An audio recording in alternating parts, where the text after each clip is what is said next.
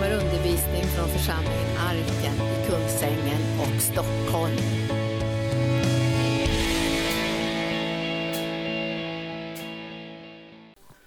Och välkomna med det heliga Ande att göra orden levande för oss, väcka tro i våra hjärtan.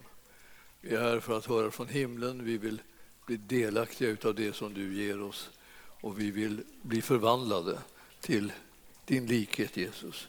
I Jesu namn. Amen. Tack lovsångare. Idag ska vi tala lite grann om församlingen på ett sätt. Eh, det är ju alltså en, någonting som handlar om oss. Och sedan är det någonting som handlar om vår Herre. Eh, för att det, när vi kommer samman så här i Guds församling till gudstjänst så är det för att liksom betjäna Gud och sedan eh, höra tillsammans vad det är som han vill säga till oss om våra liv och eh, vår väg som vi ska vandra ihop. Och eh, jag vill att vi går till Filipperbrevet. Eh, nu har vi varit där några gånger, men vi ska titta där i andra kapitlet idag. Eh, för där står liksom lite grann om det där som egentligen är en längtan eller en hunger eller en törst, hur vi, hur vi vill vara eller hur vi vill leva. Och vad det är som vi sätter värde på. Jag tänker ibland att eh, ibland så glömmer vi bort vad det egentligen som vi har för mål med vårt eget liv eller så, hur vi vill att vårt liv ska se ut. Och eh, vad det är för frukt som ska komma utav det. Och här blir det liksom en påminnelse om det, därför att vi hör ihop med Jesus och så, så är det någonting som, som ett annat liv som börjar ta form och som vi, eh, Herren vill att vi ska liksom smaka på. Och då ställer han en fråga liksom till oss så här från kapitel 2 i Filipperbrevet, den första versen där. Om ni nu har tröst hos Kristus, uppmuntran av hans kärlek och gemenskap i anden, om medkänsla och barmhärtighet betyder något, gör då min glädje fullkomlig genom att ha samma sinnelag och samma kärlek och genom att vara ett i själ och sinne. Herrens Herren säger så här, hur ska vi, hur ska vi liksom kunna visa tacksamhet? Hur ska vi kunna visa uppskattning för det han har gjort för oss, det som han har gett till oss och så? Jo, han säger så här att eh, alltså, gör, gör då min glädje fullkomlig genom att ha samma sinnelag och samma kärlek och genom att vara ett i själ och sinne. Det är det som han önskar hitta hos oss. Och vad han har gett till oss är tröst, står det, hos Kristus. Uppmuntran av hans kärlek, gemenskap i anden, medkänsla och barmhärtighet. Det är det som han har gett till oss.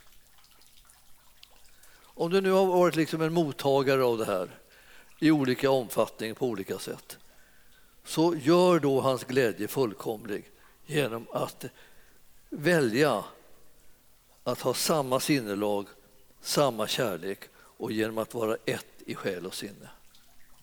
Alltså hur, hur går det till? Alltså?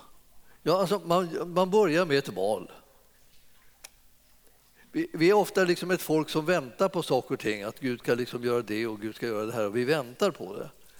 Och, men, eh, men han väntar på att du och jag gör ett val att öppna våra liv för honom, att göra oss delaktiga av det som han önskar att eh, liksom ta stegen in i saker och ting.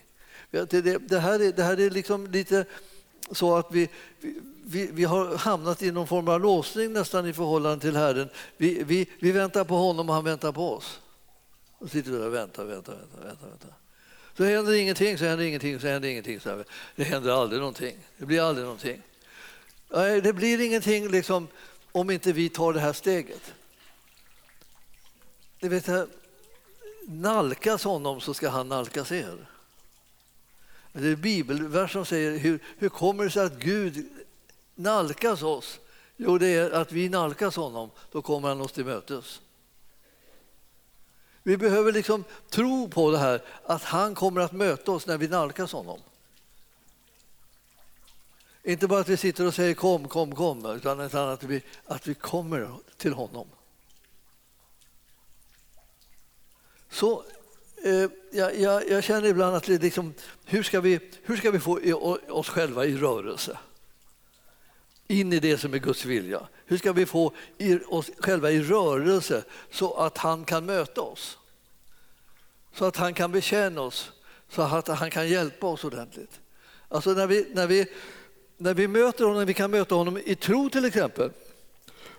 Och då eh, är det så att han har talat till oss och väckt tro och sen kliver vi in i tro i det som är hans vilja.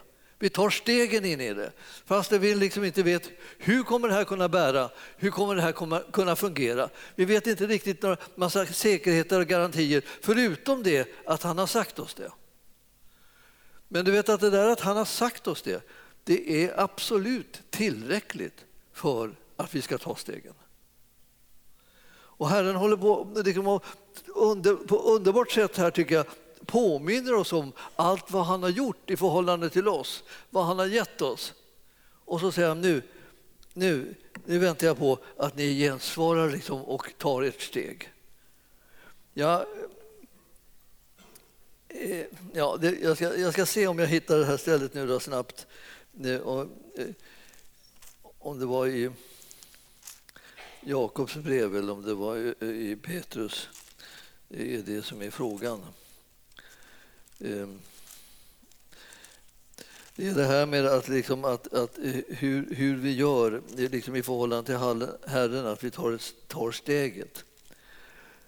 Eh, jag tror att... Eh, ska vi se här om jag har det. Mm. Det var ju rätt, alltså som det bibelstället som sådant var ju inte inte något annat än just det här att om, om du nalkas Gud så ska han nalkas dig. Den här är, det när, ja, närmare, det, så, så, det är en annan översättning, jag har 1917 år i huvudet då och då. Eh, men i, i fjärde kapitlet i, i Jakobs brev så väljer man att uttrycka närma er, står det, närma er Gud. Så ska han närma sig er. Och det här, det här är liksom ett, ett, ett, ett, en kallelse på att göra någonting aktivt i förhållande till Gud. Kom till honom, står det på andra ställen. Bara kom till honom. Och vi kan bli så vad kan jag säga, irriterade på sådana där uttryck eftersom vi inte alltid vet hur det går till att komma.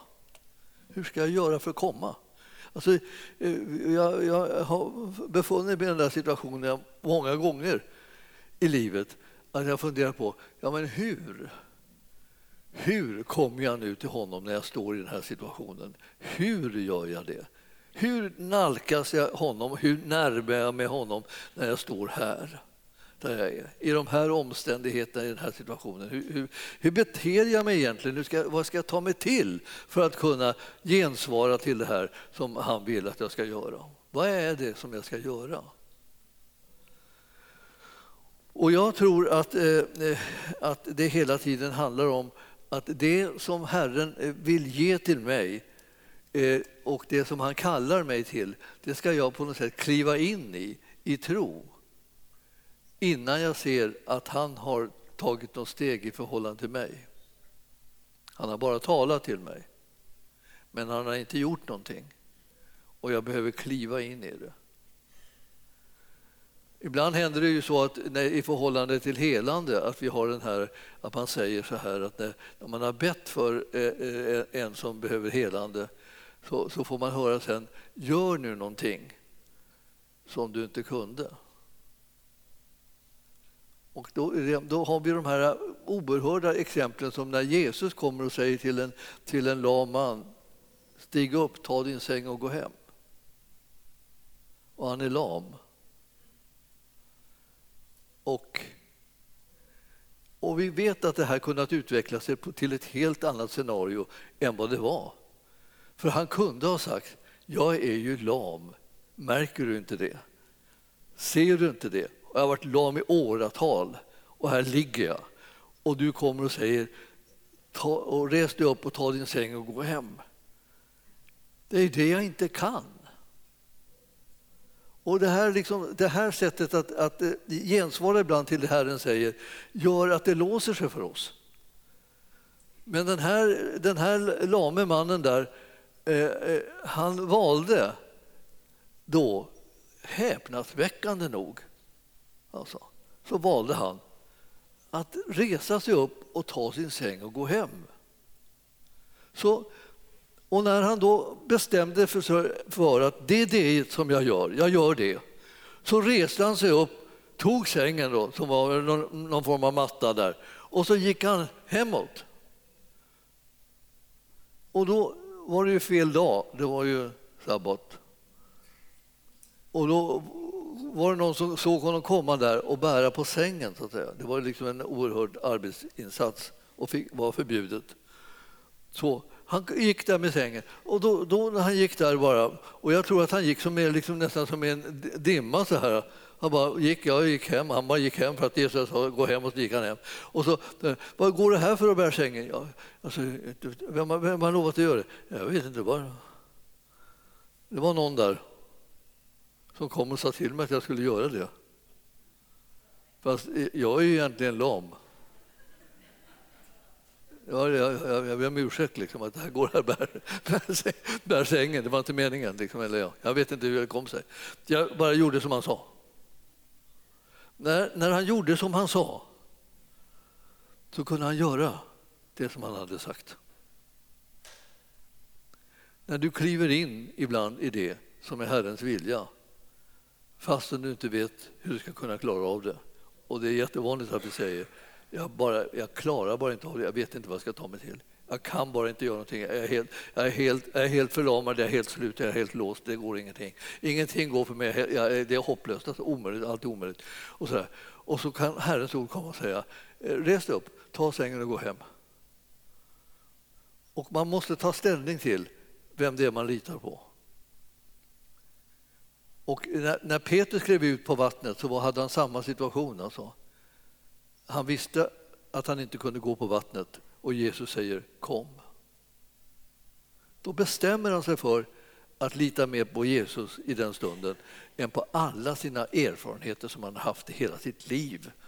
Han var ju fiskare så han visste ju liksom att i vattnet där sjönk han. På den tiden var det inte vanligt att man kunde simma. Alltså. Och i all synnerhet inte fiskare, för de höll bara på i båten. Så när han, när han, när han fick höra det där ordet då bestämde han jag tror mer på Jesus än all min samlade erfarenhet. Och jag tror mer på Jesus än alla omständigheter som jag har runt omkring mig.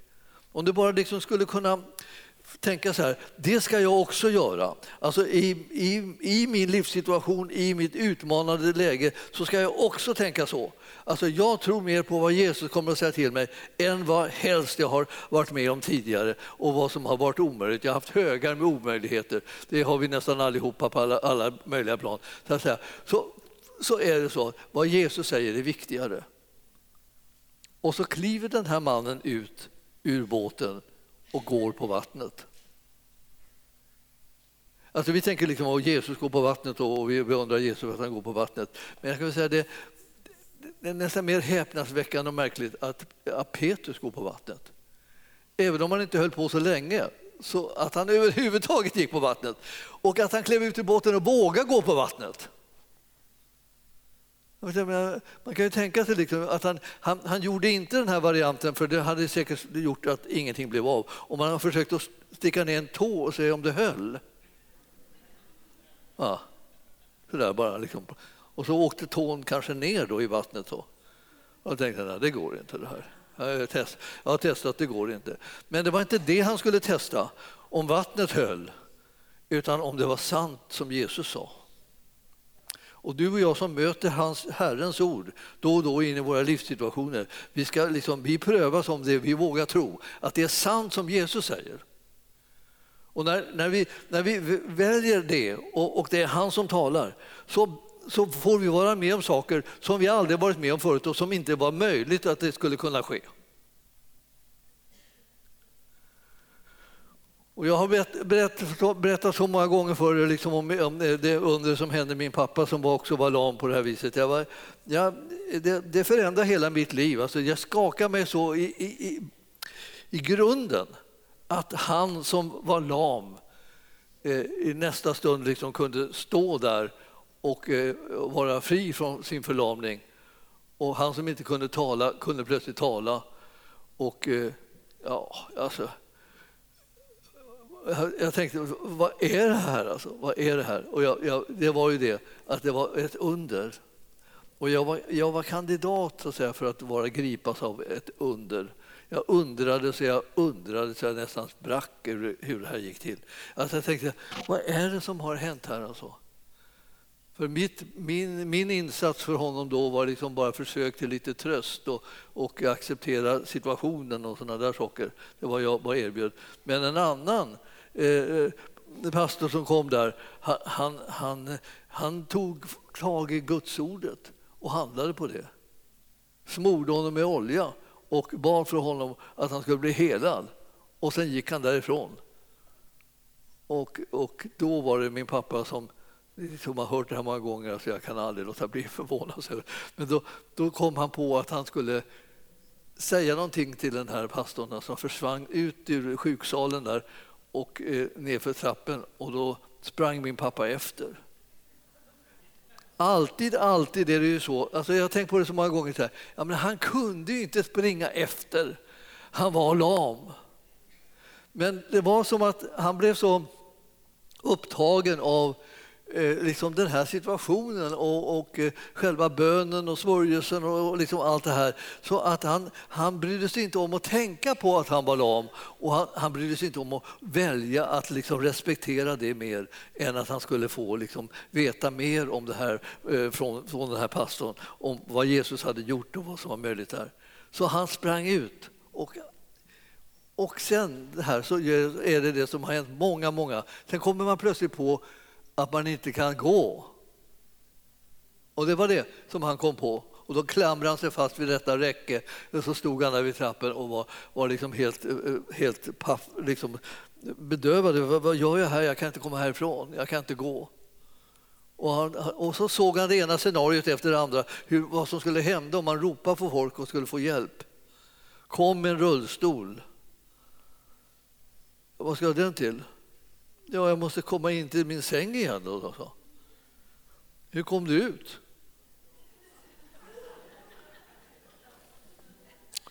Ja, då gick inte den vägen. då. Vad ska jag göra då? Någon måste komma och hjälpa mig. Där. Och då i den där sägen så får han alltså se den här synen av, av bilden på Jesus och Petrus som går på vattnet. Och så kliver Jesus ut ur tavlan och säger kom. Och då gör han precis samma sak som Petrus gjorde. Liksom. Han släppte räcket där och gick efter Jesus in i salen och la sig där och sen var han borta. Nästa dag kunde han klara alla övningar som de skulle pröva, testa honom för, för rörelserna om, om, om, han kunde, om vilka muskler som inte fungerade längre och så fungerade alla muskler. Och, och så sa de, då får du väl upp och gå lite och sen fick han gå hem. Alltså man blir alldeles matt. Man blir alldeles matt. Man blir helt, man blir helt chockad och just det där, man gör saker som man inte kan. Och sen så kopplar det ändå inte skallen sen att man, att man har blivit frisk eller hel eller sådär. Det går en långsam process innan det börjar hända någonting här uppe i huvudet på en. Men man är ute där på vattnet alltså. Och herren, det här att Herren kan göra under, liksom, det har blivit som en, som en etsat sig fast i mig. Eftersom jag, som när jag skulle göra sjukbesök hos honom så åkte jag hem först och då då eh, öppnade ju min pappa dörren. Och då säger jag till honom sådär, som man, alltså, hela allting var fullkomligt knäppt, alltså idiotiskt blev det. Som ett, då säger jag honom, vad öppnar du dörren för? Alltså, han skulle ligga på sjukhuset och jag kommer för att ta reda på vilken sal han ligger på sådär, för att kunna besöka honom. Så öppnar han dörren. Och så där höll vi på så här. Jag sa den ena grodan efter den andra därför att jag liksom var så paff över att han som var lam liksom, plötsligt eh, nästa, nästa dag är hemma och öppnar dörren, är frisk, kan tala och alltihopa det här. Jag, jag kände att eh, eh, jag hade mycket att lära. Alltså då. Men i Guds församling så håller vi på att lära oss saker och ting. Därför att vi, vi går till ordet och så ser vi, är det här rätt? Är det så här som kan ske? Är det så här som Herren kan göra? Och så ser vi i ordet att det här är liksom sånt här som Herren kan göra. Han har gjort det förut vid flertal tillfällen och, och, och, vi har sett alla exempel på det och vi börjar förstå att det är en övernaturlig Gud som vi tjänar. Och när, när vi verkar i hans namn så kommer vi att få se under. Guds församling är en plats där under sker. Och jag vill, vill betona det för er, därför är det här en väldigt dyrbar och viktig plats. Utan Guds församling som förvaltar det evangeliet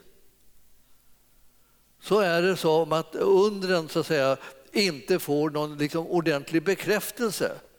Utan då blir det bara liksom, liksom eh, någon slags eh, överraskningars överraskning bara. Men så kan man se, det här är Herrens vilja på grund av de löften som han har gett oss och på grund av de gärningar som han har visat oss att det här är så här han vill ha det, så här vill han göra. Han vill gripa in i våra liv, han vill göra det som är helt underbart, helt fantastiskt och helt omöjligt.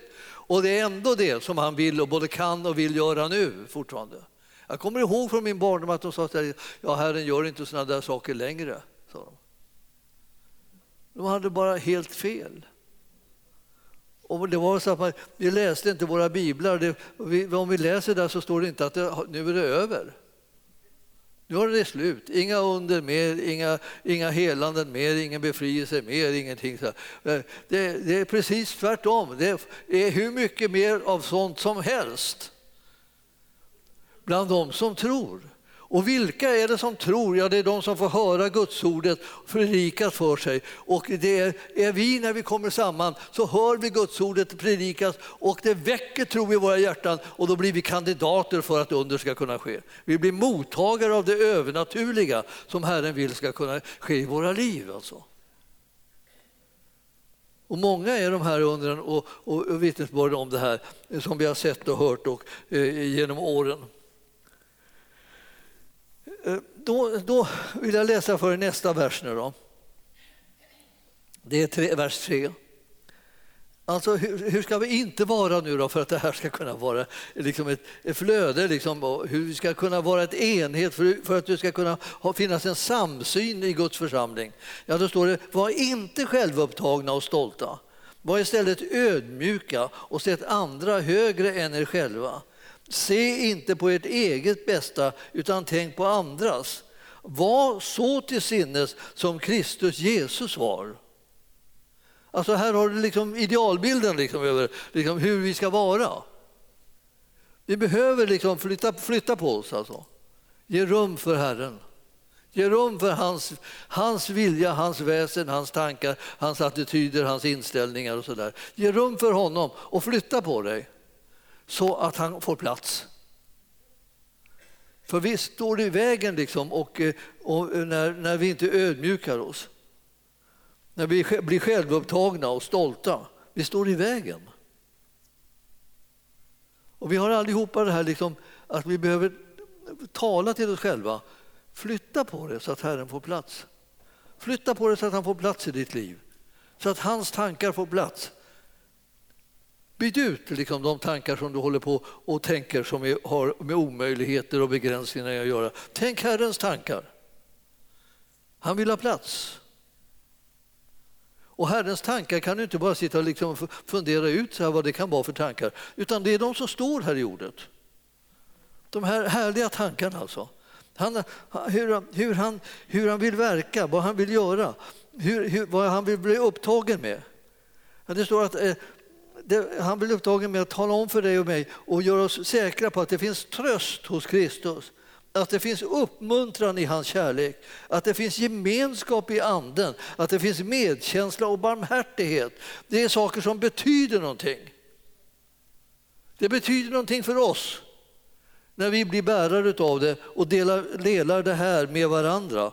Det betyder då någonting för Guds församling för då börjar det bli liksom en enhet och en sammanhållning i Guds församling. Herren vill liksom göra oss sugna säga, på att leva det livet som han har liksom mött oss med, det som han har gett, oss, gett till oss, det som han har liksom låtit komma över våra, våra liv alltså med sin närvaro och sin härlighet. Det är det som ska sätta sin prägel på vår gemenskap med varandra också. Han håller på och försöker ena lemmarna i kroppen så att de, kroppen blir en helhet och en enhet. att till och med våra sinnen, med våra tankar och inställningar blir e, enade. Så att vi har samma sinnelag och sen att, att drivkraften blir densamma, nämligen kärleken som vi har mött ifrån Gud.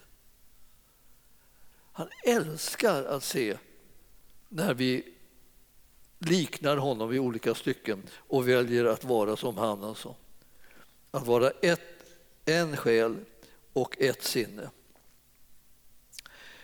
Och så eh, sen att vi tittar liksom på behoven som finns hos andra.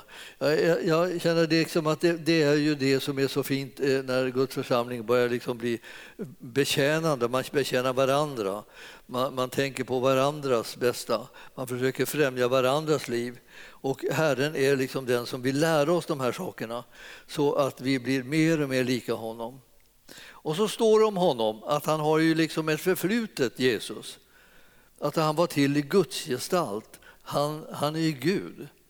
Men så kommer han till världen för att vara människa och lägger undan liksom den här eh, eh gudsdelen. Och det står så här när, när, vi läser då i eh, sjätte versen. Fastän han var till i Guds gestalt så räknade han inte tillvaron eh, som Gud så som ett segerbyte och vad betyder det där liksom att räkna som ett segerbyte? Ja, ett segerbyte det var någonting som man hade rätt till och kunde behålla. Men han såg inte det på det viset, han var villig att lägga det åt sidan för att han skulle kunna gå in och dö i vårt ställe för all synd. Så att det här, själva offret var liksom inte så att, eh, att det var Människosonen utan synd som eh, gav sitt liv. Det felfria offerlammet, ni vet. Det där som kommer att finnas i himlen och där man ser att det är slaktat. Man läser det där Uppenbarelsebok man ser att det, det där lammet går omkring där med såren på sig för att påminna om att det är slaktat och försoningen är liksom fullbordad. Och sen står det, han, han ödmjukade sig och blev lydig ända in till döden, döden på korset. Och därför har också Gud upphöjt honom över allting och gett honom namnet över alla andra namn. Och nu kommer det här namnet nu då, som har fått liksom den här suveräna kraften och makten, eh, nämligen Jesu namn. För att i Jesu namn alla knän ska böja sig i himlen och på jorden och under jorden och för att alla tungor ska bekänna Gud Fadern till ära att Jesus Kristus är Herren, står det. Och det betyder Gud. Alltså, när han uppstod från de döda, sen kom han upp och satte sig på Faderns högra sida och återigen var han Gud. Hans namn var över alla andra namn. Så skillnaden på att vara, eh, vara herre och vara Herren är att det ena betyder att man har makt och det andra betyder att man är Gud. Så Herren betyder att man är Gud i bestämd form medan Herre betyder att man har makt. Han har båda delarna. Men han är nu så att säga både det människosonen eller fåret, lammet som är slaktat och så är han han som sitter på tronen, konungen som sitter på tronen och har all makt i himlen och på jorden. Vi tjänar en Herre som håller på med ett oerhört frälsningsarbete så att säga, för att nå hela världen med frälsning. Han, vad han har gjort, han liksom har fullbordat räddningen för varenda människa. Men det är inte känt för många. Det är så konstigt att säga det. När man, jag, jag har ju vuxit upp med liksom, i en kristen familj och liksom alla var kristna så långt ögat såg. Liksom. Missionärer och präster och predikanter och lär, bibellärare och hela, alltihopa bara, eh, i högar var det sådana där. Och så plötsligt så får man säga det att eh, Jesus namnet och det han har gjort är inte särdeles känt i det här landet. Det räcker inte med att några håller på och försöker göra det känt, utan alla kristna måste göra det känt. Vi måste hjälpas åt, annars så blir det inte spritt. Och det finns väldigt många eh, eh, kanaler nu för tiden att, eh, att göra, ge information på. Och, och det behöver vi använda för att göra namnet Jesus känt. Han är den underbaraste. Vi behöver inte strida några strider mot alla möjliga utan vi behöver bara proklamera hans, hans herravälde, hans makt, hans, hans kärlek, hans seger på Golgata kors. Vi behöver liksom bara tala om vem han är, att Jesus han är Guds son. Det är han som har frälst alla människor, det är han som älskar alla människor och vi behöver få ut det. Det är, liksom, det är kunskapen om honom som behöver komma ut. Det är det som väcker tro. För man börjar höra att det som han har gjort och det som han, han gör för oss är hela tiden någonting som har att göra med att svara på människors absoluta djupaste längtan och hunger. De längtar efter det som han står för, men de vet inte vad han står för. Och vi är de som ska tala om det. Och jag, jag, jag, ibland så känner man ju nästan som vanmakt inför hur går det till. Liksom alltså. Medan vi predikar och vi vittnar och vi talar med människor och vi möter dem och vi, vi, vi, vi förklarar för dem vad det här är. Men ni förstår, eh, det, det, behövs hela tiden mer och mer. Men det behövs också någonting mer att, än att man bara går ut och, liksom och talar om för människor som ingenting vet. Man måste ha liksom någonstans att ta hem dem. Och hemma är här. Alla församlingar blir hem för människor. Och de behöver liksom föras hem för att växa där och mogna så att de kan sedan sändas ut. Och utan det här, att man får in dem och får ge dem en chans att lära känna Jesus och växa till så att de har ett budskap liksom, liksom planterat och, och djupt i hjärtat så kan de inte gå ut med det. De vet inte vad de ska säga och, då, och det blir, man grips bara av massa fruktan. Vi har en Herre som vi kan vara stolta över i alla livets olika skiften. Vi har någon som vi kan representera med frimodighet där vi går fram. Det finns ingen som Jesus. Det är det bästa som finns. När du tror på det kan du få andra att förstå att det är som du säger. Jag kommer ihåg eh, när jag var i, liksom i en sån här liten högmodig period. Ja, man vågar, vet inte hur man kan säga så där, men alltså, jag var liksom, ja, i, någonstans i tonåren då. Då, eh, då, var, då, var, då var jag eh, väldigt, väldigt vad ska jag säga, misslyckad i min skolgång. Alltså det, var, det, var, det var ja, helt katastrofalt. Men eftersom jag inte ville att, liksom, att eh, leva med, liksom, med den bilden av mig själv Eh, så, eh, så, eh, så motarbetade jag den genom att tala om hur bra jag var. Och till slut när jag hade pratat tillräckligt länge liksom och mycket om hur bra jag var så, var, så började mina klasskamrater få för sig att jag var bra. Och det var lite häpnadsväckande.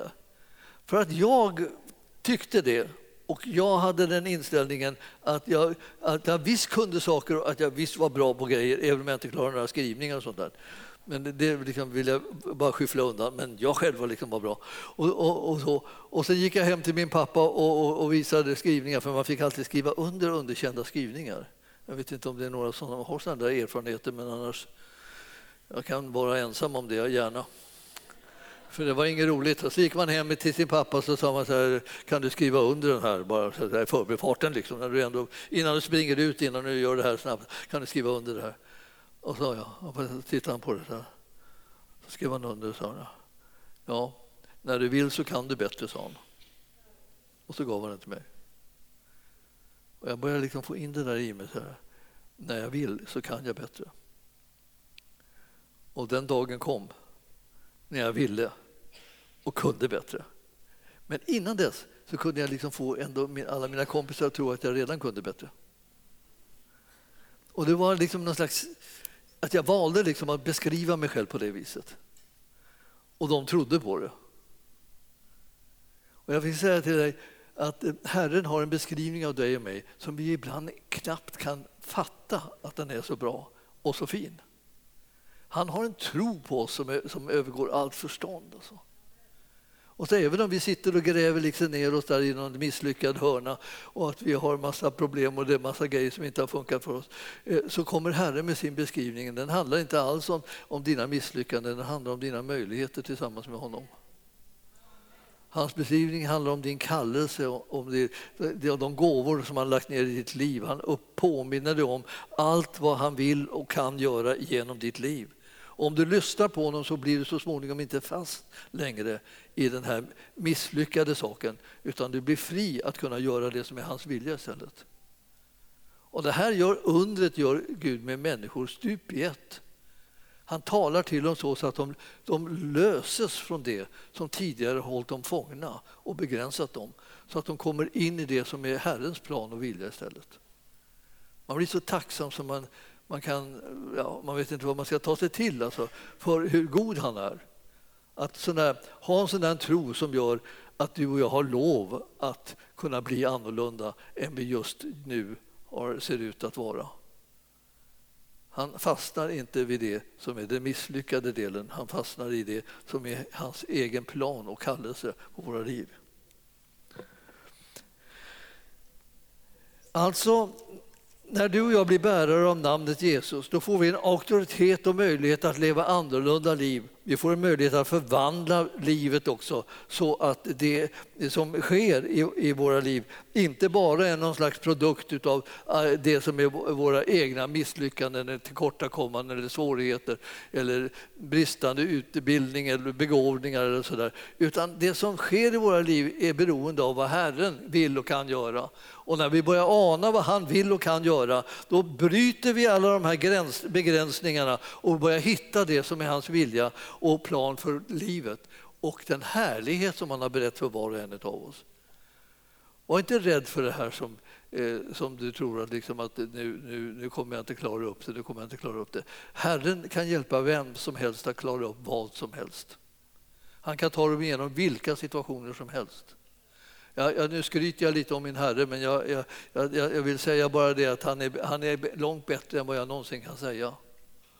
Och därför så vill jag att du håller dig nära honom för att hans vilja ska kunna bryta igenom och inte håller någon slags distans för att du tror att han inte vill ha med dig att göra. Han, eh, då tänker man att han vill inte ha med mig, jag är så misslyckad, så misslyckad. Ja, men det, det, spelar ju ingen roll om du är misslyckad om han är lyckad. Så är det bara frågan om att du hänger på honom. Så att säga. Det, det, det är du och han som, är, som ska klara av saker och ting i den här världen, inte du ensam. Och egentligen så är det här absolut en lögn att vi någonsin är ensamma mer sedan vi har tagit emot honom i vårt hjärta.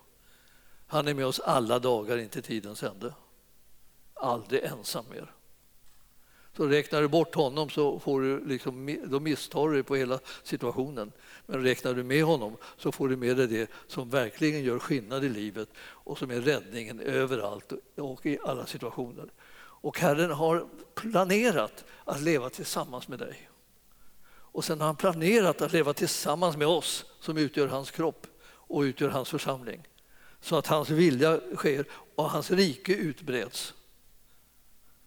Sök först Guds rike och hans rättfärdighet så ska allt det här andra tillfalla er, står det.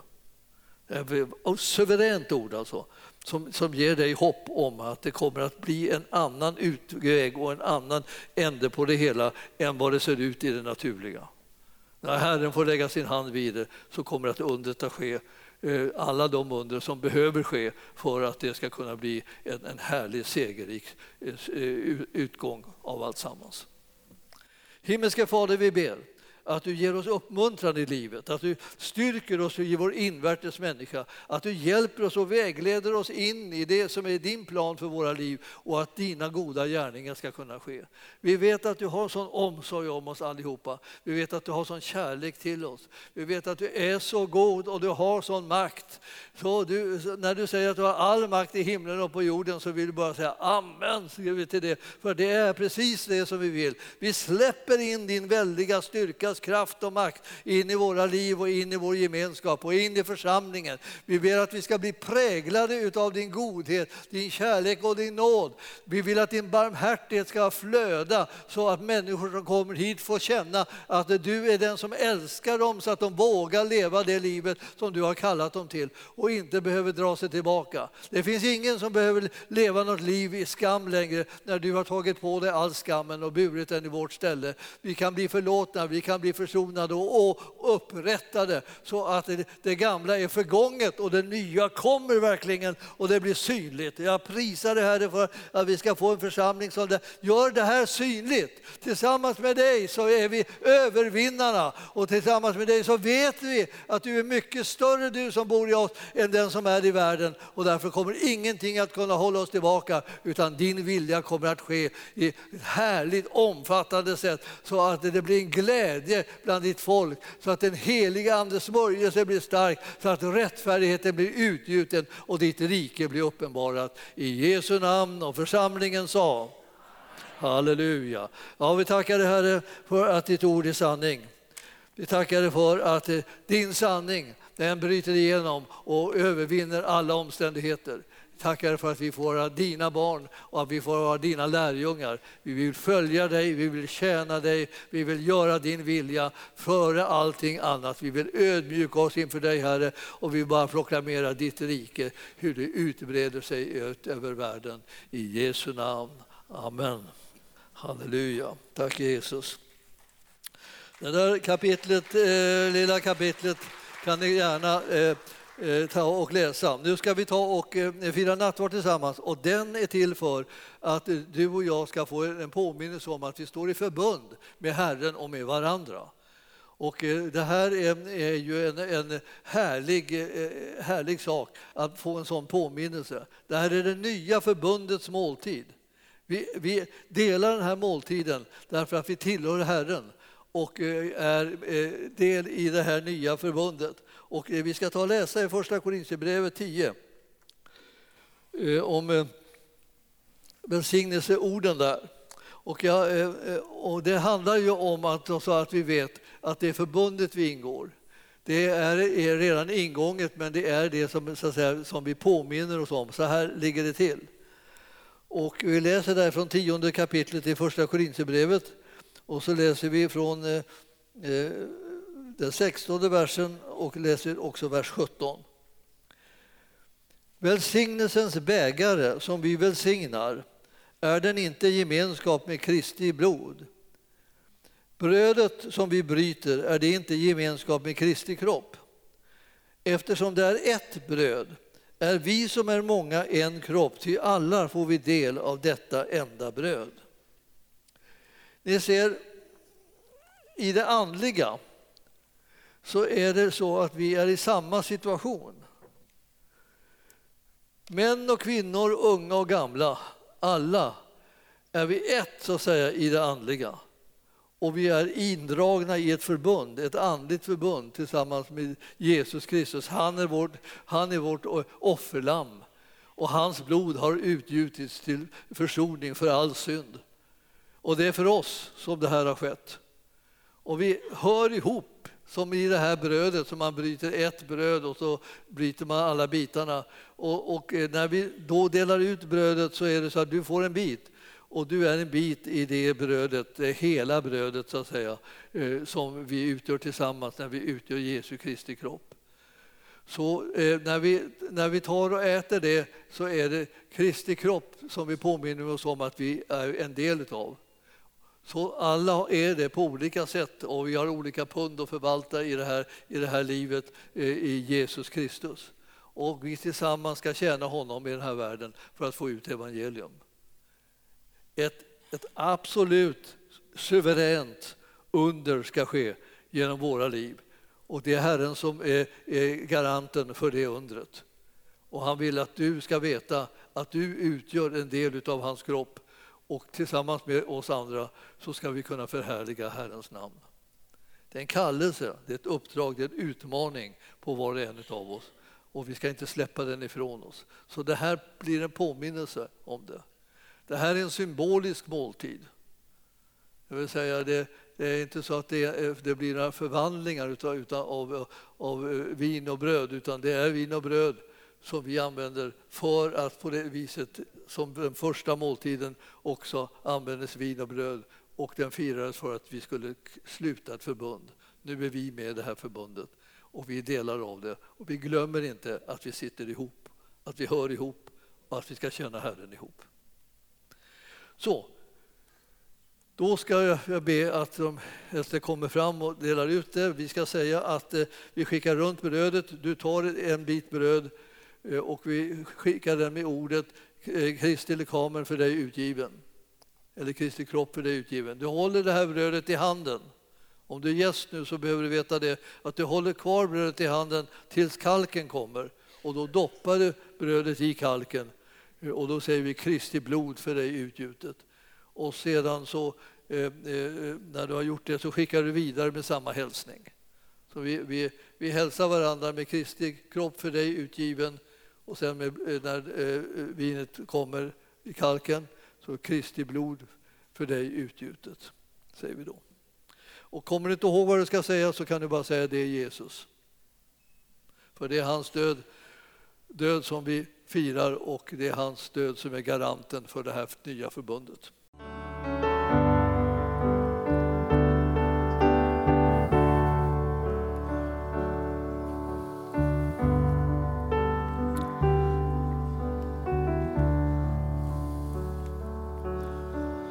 Tackar vi dig Herre för det nya förbundets måltid.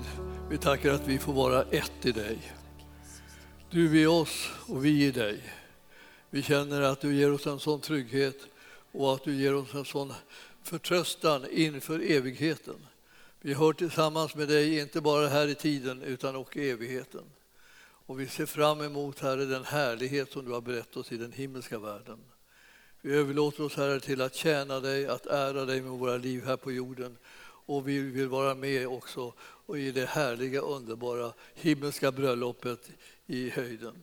Vi prisar dig Herre för att när du kommer åter så kommer du för att hämta oss och vi vill komma med glädje och förväntan på det underbara som där är förberett. I Jesu namn. Och församlingen sa Amen. Halleluja. Tack Jesus. Då sjunger vi en avslutande sång.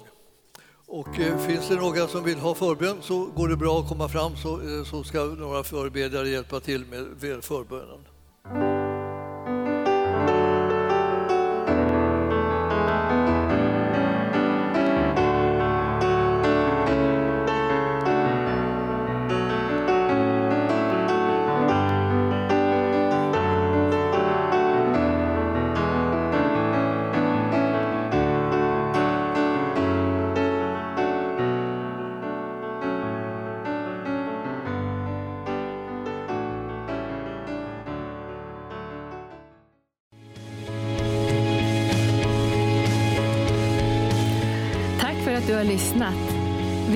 Del av mer information om församlingen Arken, vår helande tjänst, bibelskola och övriga arbete, gå in på www.arken.org.